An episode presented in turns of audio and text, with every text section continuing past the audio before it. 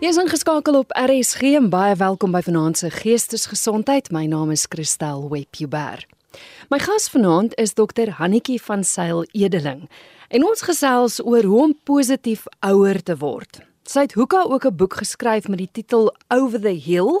Die hill is doodgetrek, so dit lees eintlik Over the Moon en dis 'n guide to positive aging. Hannetjie, baie welkom op Geestesgesondheid. Hallo Kristel en hallo luisteraars. Ek begin altyd voor ons gesels oor vanaand se tema as ek 'n nuwe gas op die program het, stel jouself eers aan die luisteraars voor. Wie is jy?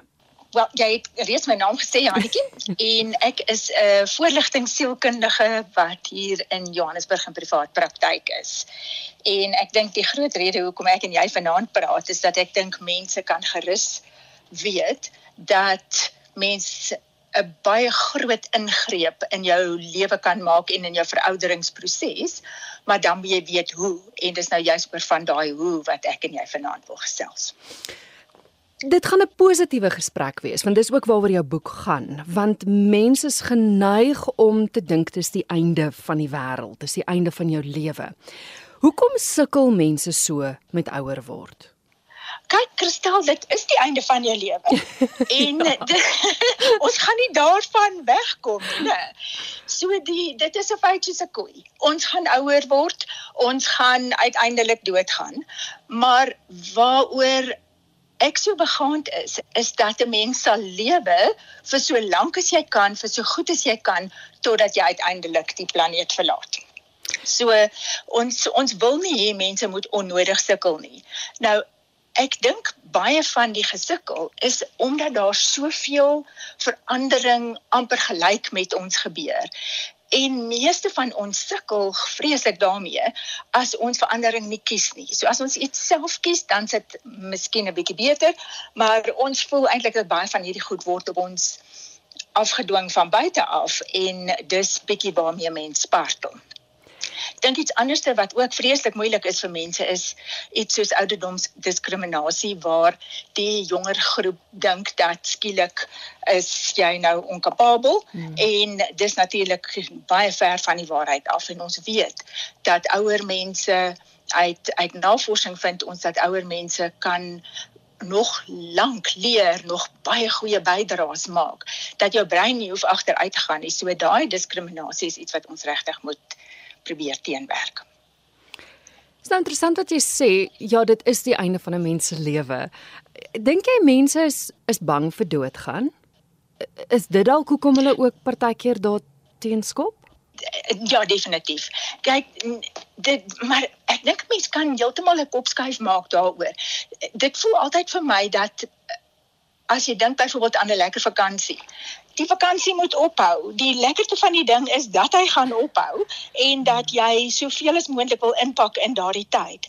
So eerder is om dit as 'n lewenskrisis te sien en te dink dat ehm um, daar niks aan te doen is nie, kan 'n mens besluit om die beste uit die situasie te haal en dan wanneer jou tydjie op is, kan jy met groot genot gaan en weet dat jy die beste gedoen wat jy moontlik kon. Anneke, hoekom dink jy is gesprekke soos hierdie belangrik? Jy jy die titel van daardie boek gesien, daai Over the Hill. en ek dink daar kom eh, daar's baie mense wat regtig nog glo dat van 40 af is jy oor die muur en dat daar noodwendige vir uh, agteruitgang is wat eintlik onomkeerbaar is. Ons het byvoorbeeld van tevore geglo dat goed soos Alzheimer ehm um, soos 'n kopskoot is dat daar omtrent niks is wat jy daaraan kan doen nie. En so ons leef in 'n baie goeie tyd waar daar geweldig baie navorsing oor veroudering is en met die hele baby boomer groep wat nou in die aftree periode is kan kan daar baie lekker navorsing wees oor die mense en wat ons vind is dat dit regtig nie nodig is dat mense agteruit gaan nie en dat daar baie mense is wat nog groei en leer en aanhou ontwikkel en dis juis daardie voorbeelde wat ons wil navolg en ehm um, wil probeer uitvind hoe hulle dit doen. Ons word van jongs af geleer dat jy finansiëel moet voorberei vir jou ou dag. Dit is die eerste ding wat vir jou gesê word as jy 'n werk kry ook. Sorg vir jou ou dag. Dink jy ons word emosioneel voorberei vir ons ou dag? Nee, ek dink glad nie so nie. Maar maar ek dink ook dat baie mense berei nie eers finansiëel voor vir hulle ou dag nie. En dit is 'n uh, dit is nogal 'n groot probleem want as 'n mens hulp nodig het en jy kan nie die hulp bekostig nie, maak dit jou hele situasie natuurlik baie moeiliker. Maar ek dink dat uh, nie genoeg mense weet dat jy daadwerklik iets moet doen nie. Hulle vervolg uh, volg net 'n selfvervullende profesie van negatiewe verwagtinge oor oud word en dis juist juis wat ons nou vir hulle probeer leer is dat hoe jy dink, hoe jy 'n situasie aanvaar, hoe jy ehm uh, mediteer, hoe jy eet, hoe jy oefen, al daardie dinge kan selfs jou genetika beïnvloed om nie uh, 'n uh, negatiewe uitbeelding te doen nie. Hannetjie, jy het nou aan die begin genoem dat daar soveel veranderinge gebeur as jy ouer word. Dikwels veranderinge wat jy self kies, ander wat op jou afgedwing word. Ons het nou 'n lys van veranderinge wat ons gaan deurgaan en ons gaan kyk hoe dit telkens positief benader kan word. Ek ek dink een van die grootstes wat gebeur as mens ouer word is aftrede. Jy het 'n sekere beroep gehad, jy het ja. in 'n sekere beroep gestaan en nou verander dit. Wanneer ons met mense werk met aftreebeplanning, sê ons dat vir die wat moet aftree. Da, kyk party ouens se situasie is so dat jou maatskappy sê 60 of 65 en nie verder nie. Hmm. So vir daardie mense sê ons begin ten minste 5 jaar voordat jy moet aftree en begin beplan aan stokperdjies aan 'n uh, alternatiewe alternatiewe manier om inkomste uh, vir jouself te kry. Werk aan vaardighede, skakel in by groepe. Ehm um, begin lees, werk met 'n uh, 'n liefdadigheidsgroep sodat jy eintlik al op dreef is teen die tyd wat jy moet aftree. Want die grootste ding wat vir mense 'n krisis daar is, is dat skielik het ek geen betekenis nie, het ek nie 'n doel in die lewe nie, het ek niks om my tyd te vul nie. Maar 'n ander baie belangrike ding is dat die aandag wat ek gekry het deur die werksomgewing is skielik nou net glad nie meer daar nie. En ons weet dat mense het aandag nodig, soos wat hulle kos en water en suurstof nodig het. Hmm. So die die paar kernprobleme waarvoor 'n mens moet voorberei is byvoorbeeld die verlies aan ondersteuning, die verlies aan aandag en die verlies aan betekenis. En dit as mens daardie uh, kernbeginsels deurtrek, dan sal jy sien amper elke ene van die toestande wat ons teekom kan op daardie manier uh, beskryf word en kan dan volgens daardie metodes hanteer word. So ons wil wil weet dat daardie uh, dis dis so struikelblokke wat voor ons lê. Laat my altyd dink aan die aan die fliek Groundhog Day waar die ou elke liewe môre in die gat yswater trap totdat hy besluit en en en wakker genoeg is om gat yswater te sien en besluit om nie daarin te trap nie. Ja. So ons weet hierdie goed is vir mense slaggate en hulle kan dan begin voorbereiding maak vir daardie uh eensaamheid, die gebrek aan ondersteuning, die gebrek aan aandag. Ek dink 'n groot ding ook as dit kom by aftrede is uh, mense het 'n identiteit gehad. En watter beroep jy ook al gestaan het, mense is dikwels so gevorm deur dit wat hulle gedoen het en jy ja. glo dat dit jou identiteit is. En die dag Ja. As jy as jy dit nie meer doen nie, dan begin jy wonder maar wie is ek want nou is ek nie meer 'n dokter nie of ek is nie meer 'n prokureur nie of uh, daai betekenis wat jy genoem het. Dit voel asof jy nie ja. 'n betekenis het nie. En dis nou dis nou juis hoekom 'n mens ander betekenisvolle aktiwiteite mm. so lank op dreef moet kry. Die dit is maar met enige ondersteuningsstelsel so. As jy net een punt van ondersteuning het, is dit 'n taamlike wankelrige ondersteuningsstelsel en as daar iets met daai punt gebeur, dan is dit vir jou 'n baie groot probleem. Terwyl as jy dink aan die voet van 'n piramide wat lekker sterk gegrond is, daar's baie opsies daar. Ons ehm um, werk byvoorbeeld met 'n konsep van 'n sosiale portefeulje, soos wat jy 'n finansiële portefeulje sou uitgewerk het. Wat verskillende aktiwiteite het, individuele aktiwiteite en wat jy met mense doen en hoë energieverbruik en lae energieverbruik aktiwiteite. En ons beplan lank voor die tyd al om baie aktiwiteite in daardie ehm um, verskillende afdelings te hê wat dan vir jou ook betekenis gee. Maar ek moet vir jou sê, 'n hele amper al die probleme wat ons in ons uh aftrede en in ouer jare het, gaan oor die vergelyking van myself met my jonger self. Hmm. En as 'n mens nie daardie vergelyking die hele tyd doen nie en jy bly in die oomblik waar jy nou is en jy probeer die beste maak van waar jy nou is, vat dit 'n hele lot van daardie stres af. Dis baie waar wat jy nou sê, want hoe dikwels hoor jy mense sê my lyf is nie my my kop is nog is nog waar dit was. Ek my kop ja. is ek nog jonk. Hmm. Ja. Nou daar's ook 'n manier wat 'n mens kan kyk na kyk ek ek dink ou se onbewussyn is nie dom nie. Mm. As hy as hy jou stadiger maak, is dit miskien omdat jy moet meer aandag gee aan wat om jou is. Om een van die baie goeie metodes om ehm um, die die stres van alleen en van aftrede te hanteer is juis om uit te reik na mense toe om liefdadigheid te te doen om om te gee vir ander om jou kontak met jou vriende weer op te tel En daai goed kan jy eintlik nie doen wanneer jy so dolle gejaag om jou het nie. So die die aanvaarding van die situasie en die uitreiking is wat wat 'n mens help om dit te hanteer. En dan om uh, ons praat op Engels van 'n reframe van die van die situasie. Kyk na die goeie wat jy nog kan doen uh, daarin. Daar's byvoorbeeld 'n wonderlike boek uh, die die nonne studie wat um, David Snowden geskryf het die ding se naam is Aging with Grace waarvan die baie ou nonne hulle kan amper fisies niks meer doen en dan dan besluit hulle maar hulle gaan bid vir ander mense. Jo. Dis waar hulle hulle bydrae kan maak. So dit die die hele triek van veroudering is om buigsaam te bly maar veral in jou kop. Dit help natuurlik baie as jy lyf buigsaam bly. en 'n mens kan oefening doen en en soveel aktiwiteit nog aan die gang hou want want ons weet dat daai aktiwiteit geweldig belangrik vir jou brein om in stand gehou te word. Maar daardie die buigsaamheid is een van die mees ehm um, van die sterkste kenmerke van mense wat positief verouder is dat hulle is aanpasbaar en en kan in in 'n situasie die goeie vind. Ja, dis ongelooflik.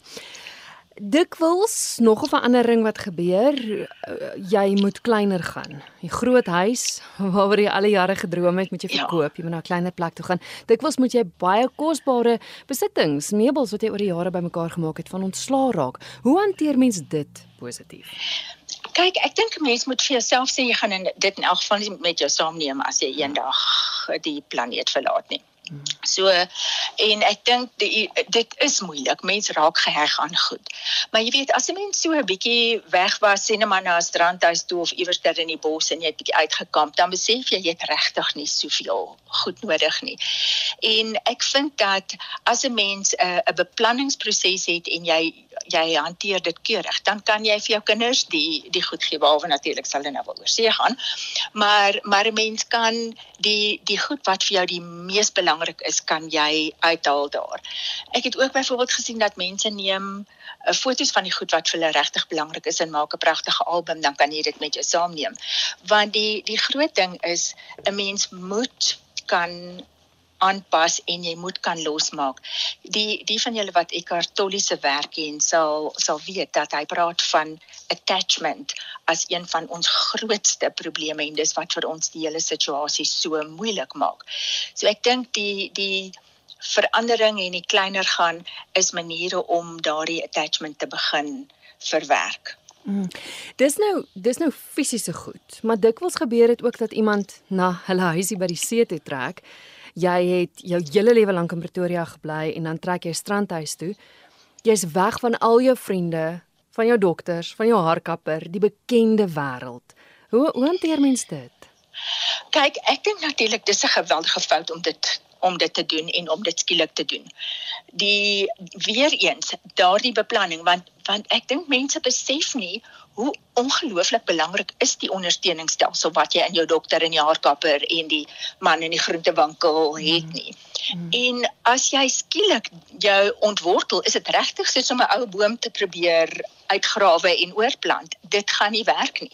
So weer eens daai 5 jaar se inwerk in die storie. Besluit waarheen jy wil aftree en sê nou maar ek my beste plek is Stilbaai. So as ek nou sou wou Stilbaai toe gaan, gaan ek moet vir my 'n ondersteuningsstelsel daar alreeds vestig 'n hele paar jaar voordat ek soontoe gaan. Sodat ek weet waar alles is en 'n paar mense alreeds het. Want is weer daardie gebrek aan aandag wat die wat die grootste probleem is en die gebrek aan ondersteuning. En onsekerheid en onbekendheid is twee van die vreeslikste goed vir mense. So wil jy nou alles daai gelyk aan jouself doen? Ja. En hoe dikwels gebeur dit dat dat jy saam as man en vrou aftrek en die een sterf en dan is jy eers ja. alleen daaronder. En as jy dan nie ja. daai struktuur het nie dan ja.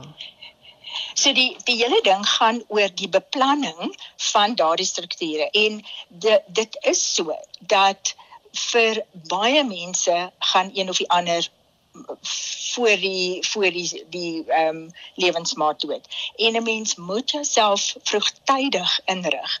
Want as daardie krisis gebeur, wil jy nie nou skielik spartel en begin planne maak nie. So ek dink dat ehm um, 'n goeie beplanning help mense om in 'n krisis te kan terugval op die beplanning en nie dan hoef rond te spartel en miskien verkeerde besluite te neem nie.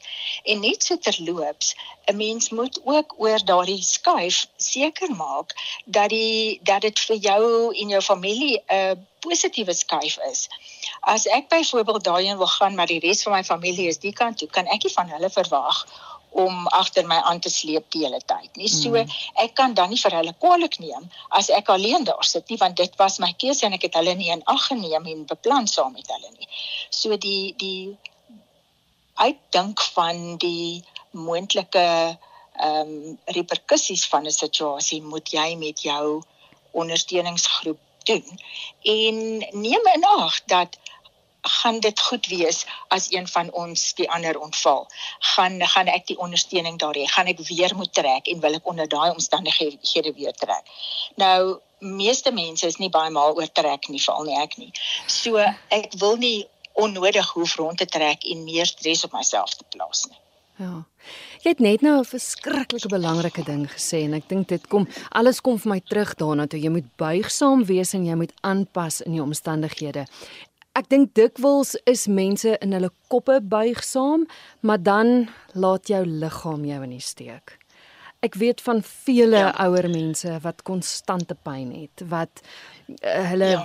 sig of gehoor verloor, wat wat 'n ledemaat verloor. Hoe hoe hanteer mens dit? Want want jy jy kan jou kop reg kry, maar dan val jou liggaam jou. Kyk, jou kop gaan jou baie help met die fallende liggaam in elk geval, want dit is weer die daar's 'n groot verskil tussen pyn en lyding. Pyn is 'n fisiese ding. Lyding is die interpretasie van daardie ding. Hmm. En as jy dit die hele tyd as 'n 'n fout interpreteer en jy onthou die hele tyd hoe dit van tevore was en nie hoe dit nou is nie, gaan die stres wat jy op jouself sit daai pyn en en lyding vir jou baie erger maak. Ons weet byvoorbeeld dat uh, iets soos 'n uh, mindfulness meditasie bring mense se stresvlakke geweldig af. Dit het 'n baie positiewe effek op die pyn wat hulle het. Die ehm um, die inflammatoriese prosesse verminder baie as 'n mens byvoorbeeld gereeld mediteer of bid of jouself in die in die natuur kry en net een word met met wat om jou is. So daar is maniere om daai goed te hanteer. Maar hoe meer gestreste mens is en hoe meer jy dit ontken en en misken, hoe moeiliker raak die situasie vir jou. Maar maar ek ek stem saam. Pyn is waarskynlik een van die grootste uitdagings wat ons het. Ja, want as jy iets soos verlies van sig of gehoor het, kan jy kan jy plan maak in die sin dat jy kry 'n gehoorstuk of daar's sulke wonderlike toepassings deesdae wat jou kan ja. help om beter te sien. Maar ek dink dit is ja. waar dat jy sê pyn is eintlik op die ou ende is is is medikasie die die enigste uitweg wat ook sy neeweffekte het. Ehm um, nie noodwendig nie hoor. Ons weet daar's jy praat nou van van apps. Mm. Uh daar's 'n app wat ek vreeslik baie van hou twee eintlik wat ek wil wil aanbeveel. Die een is Insight Timer wat ehm um, hy het tot laas gekyk het hy iets soos 100 000 gratis meditasies opgehaat. Daar's geweldig baie van hulle wat gaan oor pyn, oor streshantering, hoe om hoe om 'n fisiese uitdaging te hanteer. En dan is daar 'n ander een met die naam van Tapping Solutions wat 'n uh, 'n fisiese proses is wat jy wat jy doen met maniere wat jy met jouself praat wat ehm um, pynvlakke en angsvlakke geweldig ehm um, goed kan beïnvloed. So dis dis weer hoe ek daaroor dink, hoe ek dit hanteer, hoe ek asemhaal. Ehm byvoorbeeld wanneer 'n mens baie gestres is, vir verstyf jou hele lyf. Jy maak dit baie moeilik vir jou lyf om in 'n ontspanningstoestand in te gaan of om in 'n genesingstoestand in te gaan. En selfs net met asemhaling waar jy ehm um, um, byvoorbeeld gebruik baie die vier tellings in en ses tellings uit of vier tellings in en 'n mm, tipe van 'n lang uitasem uh, uit. Daardie help jou lyf om uit die stres uit te kom en baie minder neeweffekte van pyn en siekte te te ervaar. So daar's daar's regtig baie wat 'n mens met jou met jou kop kan doen in terme van hoe jy dink en uh hoe jy mediteer. Jy gaan daai twee name van daai toepassings weer moet gee want ek weet die luisteraars gaan wil weet. Sê gou weer die name. Ja. Ek ek gaan ek sal dit ook vir jou aanstuur. Dit is Insight Timer. Hy het so pragtige klein koperbakkies so Tibetan singing bowl as sy motief mm -hmm. en dan die ander ene is tapping solutions en die is so blou en groen krulletjies maar ek sal hulle ook vir jou uh, vir jou aanstuur dan kan jy jou mense net weer daaraan herinner. Nog een verandering wat plaasvind en ek weet dit is een en ek weet nie hoekom nie, maar dis een waarteen verskriklik baie mense skop is om op te hou om te bestuur. Hoekom? dit is jou jou onafhanklikheid wat daarmee heen is ewe skielik. En mense het 'n vreeslike groot probleem daarmee. Hulle wil tog net nie afhanklik wees van ander of 'n las wees vir ander mense nie. Ehm um, ek dink mens moet weer eens jou kop in die regte uh, rigting kry daar. Ons gelukkig Uber in party groot plekke waar wat jy mens vir 'n langer tyd onafhanklik kan hou. Maar byvoorbeeld, ek het 'n ek het 'n vriendin, sy 97 op die oomblik. Sy bestuur uiteraard nie meer self nie, maar sy sy geniet dit om saam met ander mense te ry. Sy het besluit dis nou wat sy doen sy sy hou nie baie van die wag nie, so sy het sy het ge, sy reël dat sy haar iPad saam met haar het of 'n boek of 'n breiwerkie of iets saam met haar het dat sy die tyd kan geniet. En waarheen jaag sy nou in elk geval? Want sy alhoewel sy nog ehm um, tot laas jaar kliënte gesien het, het sy baie meer vrye tyd nou wat sy net kan benut en die wêreld om haar geniet. So dis dis weer wat jy daarmee maak. Maar ek ek moet sê die die gebrek aan uh, onafhanklikheid is is vir baie mense 'n groot uitdaging. Mm. Ek het nou die dag ook 'n dame ontmoet wat besluit het sy sy gaan ophou bestuur, maar sy sê sy het letterlik een oggend opgestaan. Dit was voor kerk en toe besluit sy net ek gaan ophou bestuur. En sy sê die wonderlike ding daarvan is die besef dat nou kan sy saam met ander mense in 'n kar ry. Sy kan ja. geselskap hê. So sy dit heeltemal in 'n positief omskep. Presies die ja. regte ding. Ja. Die ander is in terme van die ophou bestuur. Ek dink mense wil regtig nie iemand anders se lewe op jou gewete hê nie ja. want ek dink dit gaan baie erger wees as om die ongemak van hulp vra ehm um, te probeer hanteer. Absoluut. Ek kry dikwels briewe van ons luisteraars en en baie van hulle sê ook dat 'n uh, eh, groot ding vir hulle is dat hulle kinders of baie ver bly. Uit die aard van die saak in vandag se tyd ook baie kinders het geëmigreer. Hulle voel asof hulle asof hulle kinders met hulle eie lewe aangaan en van hulle vergeet het. Hoe hoe dink mens daaroor positief? Kyk, die kinders moet met hulle eie lewe aangaan. Ek dink nie die kinders vergeet van hulle ouers nie, maar as jou kinders oorsee bly, is dit net een van daai situasies waar hulle nie vir jou uh, so beskikbaar is nie. Ek dink dit is vir baie mense 'n groot teleurstelling want ons kom uit ons eie ervaring waar kinders die ouers se grootste ondersteuningsstelsel is. En dis weer een van daai goed wat jy nie meer deesdae kan verwag nie. En daar moet jy ook dink dat jy jy hoop jou kinders is in 'n veiliger plek of 'n plek wat meer positief is vir hulle uh beroep en 'n mens moet kies om vir jou dan 'n ander ondersteuningsstelsel te vind. En verkieslik ook 'n paar jong mense wat jou kan help om die tegniese kommunikasiemiddels nog te hanteer. Want mens gaan uiteraard baie meer ehm um, met met toepassings moet werk met telefone. Jy wil steeds op die rekenaar uh, nog vaardig wees. Want daardie vaardighede hou jou nog steeds in kontak met die mense wat ver is En mens kry dikwels die idee dat ouer mense nie regtig meer wil leer van tegnologie nie. Ek dink partykeer word hulle genoodsaak om dit te doen, maar dikwels kry jy die idee dat ag, ek weet nie hoe nie, so ek gaan nie probeer nie. Maar maar dit kan hulle eintlik afsluit van ander mense. Dit dit sal 'n mens afsluit van ander hmm. mense en dis weer waar 'n mens in jou eie belang 'n positiewe kop skuif moet maak. Maar as dit vir jou oukei okay is om nie kontak te hê nie, dan is dit goed. Kyk, die daar is daar's geen ding wat sê jy moet op 'n sekere manier dit doen nie.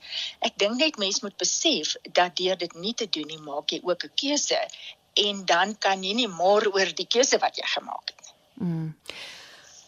'n Groot ding onder ons luisteraars en veral nou met COVID. Daar's geweldig baie van ons luisteraars wat hulle lewensmaats verloor het.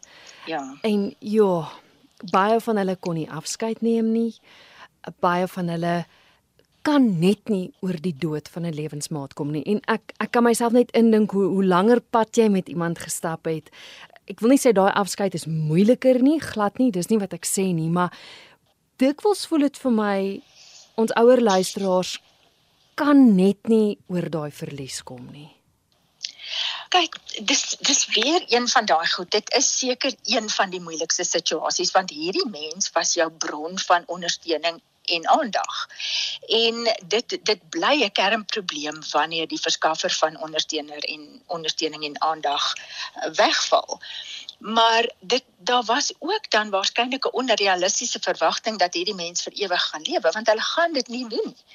So dit ek dink mens moet ehm um, aanvaar dat so iets is moontlik. Nou jy het 'n jy het 'n belangrike noem, ding genoem van kan nie behoorlik afskeid neem nie. Dit dink ek is 'n moeilike storie en 'n mens ja. kan byvoorbeeld nog steeds afskeid neem na die tyd in 'n op 'n simboliese manier. Want dis daai wat ons noem unfinished business wat so moeilik is en wat uitrafel. As jy 'n baie goeie lewe gehad het en jy weet jy het die beste gedoen wat jy kan en jy het geleef sonder verwyte en jy het elke dag mekaar waardeer, dan dan was dit wat jy ge, ge, toegelaat is. En ek dink wat, wat regtig vir mense nodig is hierso is om 'n om 'n geestelike verdieping te te ervaar wat as as ons glo dat dat God sorg vir ons, dan was dit sy wil dat hierdie ding sal gebeur met ons ook. En ons moet daai uitdaging aanvaar net soos wat ons die goeie goed aanvaar wat hy vir ons gee. Dis deel van die pakket, maar die verwagting dat dit anders moes wees is eintlik waar ek dink die grootste struikelblok lê. Hmm. En en ek wil dit so benadruk teer om vir die luisteraars te sê dis oukei okay as dit jou lank vat met ja. jou rouproses. Ja. Hmm. Daar's 'n daar's 'n ding wat ons doen met ehm um, met mense wat rou en wat sukkel met rou. Dis 'n um, nog 'n interessante tegniek. Jy weet eh, die uh, ou se onderbewussyn is vreeslik bekommerd dat jy hierdie belangrike mens gaan vergeet. En ek dink mens mens help jouself baie deur aan die begin drie spesifieke tye op die dag te maak in die oggend in die middel van die dag en in die aand om aan daai persoon te dink, om na foto's te kyk, om briewe te skryf vir hulle. Maar maar gee vir jouself 'n beperkte tyd. Maak dit 'n halfuur of 'n uur. En daarna gaan jy aan. En as jy deur die dag begin om hartseer te raak, dan herinner jy jouself, maar nou nou maar mag ek weer mm. daardie daardie proses van my doen en so mens probeer dan om die om die ehm um, hartseer 'n bietjie in te perk na verskillende tye toe dat jy jouself kan toelaat om net aan te gaan met ander dinge wat ook nodig is. Maar maar om spesiaal erkenning te gee en neem jouself na na iemand met wie jy kan praat en wat wat kan uitpraat en as daar onopgeloste sake was, los dit ten minste in jou eie kop op. Ja, op watter punt moet jy bekommerd raak? Uh, is dit as jy nie kan aangaan nie, as jy as jy vashak by die verlede? Kyk, ek dink dit dit wissel van persoon tot persoon. Ek sou sê as jy na 2 jaar nog nie kon aangaan met jou lewe nie, is daar is daar 'n probleem. Goed. Maar maar ek dink nie 'n mens kom ooit op 'n punt waar jy nie daai mens gaan mis nie. Mm. Dit gaan altyd 'n leemte wees. En ek dink mense moet 'n punt daarvan maak om verjaarsdae nog steeds te vier en vir wie ook al 'n plek te dek of hulle gunsteling kos te maak en om hulle regtig eh, deel te hou van die van die situasie. Dit help ook vreeslik baie om te kyk na van die goeie kwaliteite wat daai persoon gehad het want as mense net 'n bietjie meer esoteries gaan, dan gaan jy sien die die kuns van hierdie ene is nou in die kleinkind of die ehm um, ruimhartigheid is in tannie Annetjie of jy weet uh, uh, probeer om daardie goeie eienskappe in jouself en in die mense om jou te sien dat daai persoon se uh, nalatenskap vir jou voortduur. Hanetjie, nog een van die groot uitdagings wat ek weet ons luisteraars mee sukkel is eensaamheid. O ja. Weet jy, en dit is dit is so dikwels 'n selfvervullende profesie. Mense glo dat hulle gaan eensaam wees. En dan reik hulle nie uit om mense te ontmoet nie. Hulle sonder hulle self af in 'n huisie by die see. Gaan dan na 'n groepsblyplek by die see waar jy 'n punt daarvan maak om nuwe mense te ontmoet. Daar is sekere derde van die mense op die planeet wat eensaam is. Nou as as daar so baie mense is, kan mens mos nie teoreties regtig nog eensaam wees nie. As jy hulle gaan vind, gaan jy nie meer eensaam wees nie. So dit is ook een van daai goed en dis die hele kern van die positiewe veroudering. Jy moet daadwerklik optree in jou eie belang en planne maak en daardie slaggate voorsien en maak dit vir jouself moontlik om nuwe mense te te ontmoet.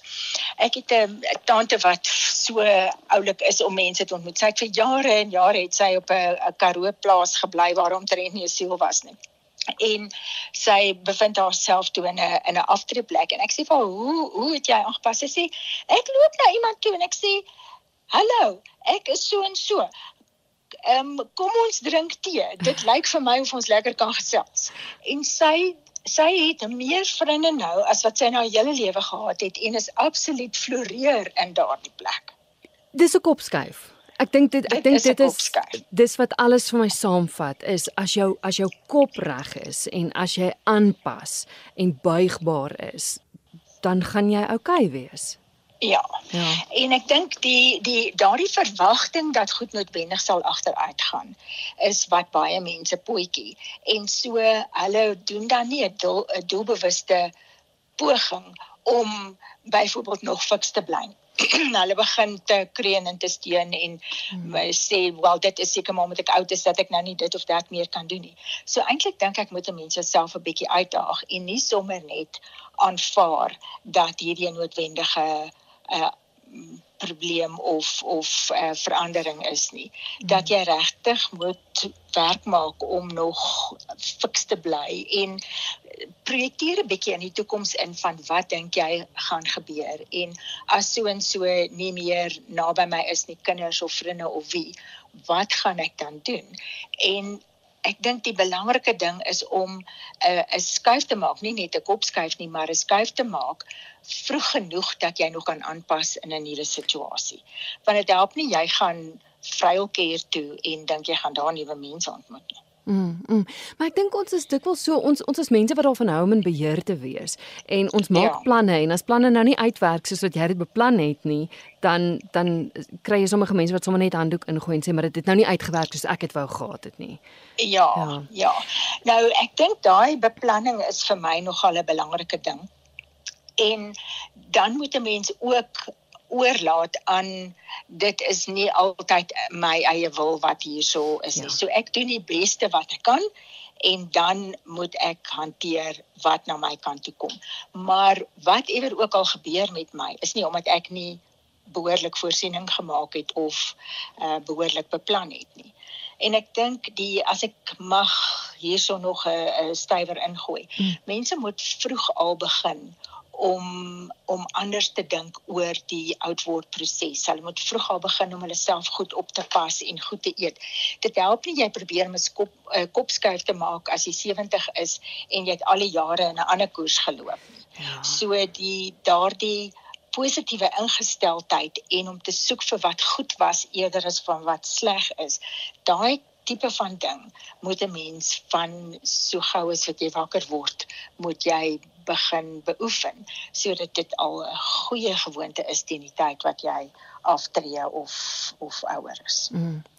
Jy het heel aan die begin van die program gesê dat besluite wat soms vir jou geneem word. En en ek wil graag hê ons moet gesels oor die verhouding tussen ouers en kinders want dit dit gebeur so dikwels dat daar frustrasie is van die kinders se kant af want hulle voel ma en pa luister nie na die raad wat ons gee en dit wat ons wil hê hulle moet doen nie. En ouers ja. voel weer maar hallo ek is nog hier en ek kan nog my eie besluite maak. Presies hoe hanteer mens dit? Presies Ek wonder hoekom dink kinders dat hulle so slim is. Ehm um, die die groot ding is, ek dink dit mens moet sien dat dit waarskynlik uit 'n goeie hart uitkom. Hmm. Maar ek dink mense moet met mekaar praat en die, die een van die groot probleme is dat ouer mense voel dat hulle autonomie word van hulle weggeneem.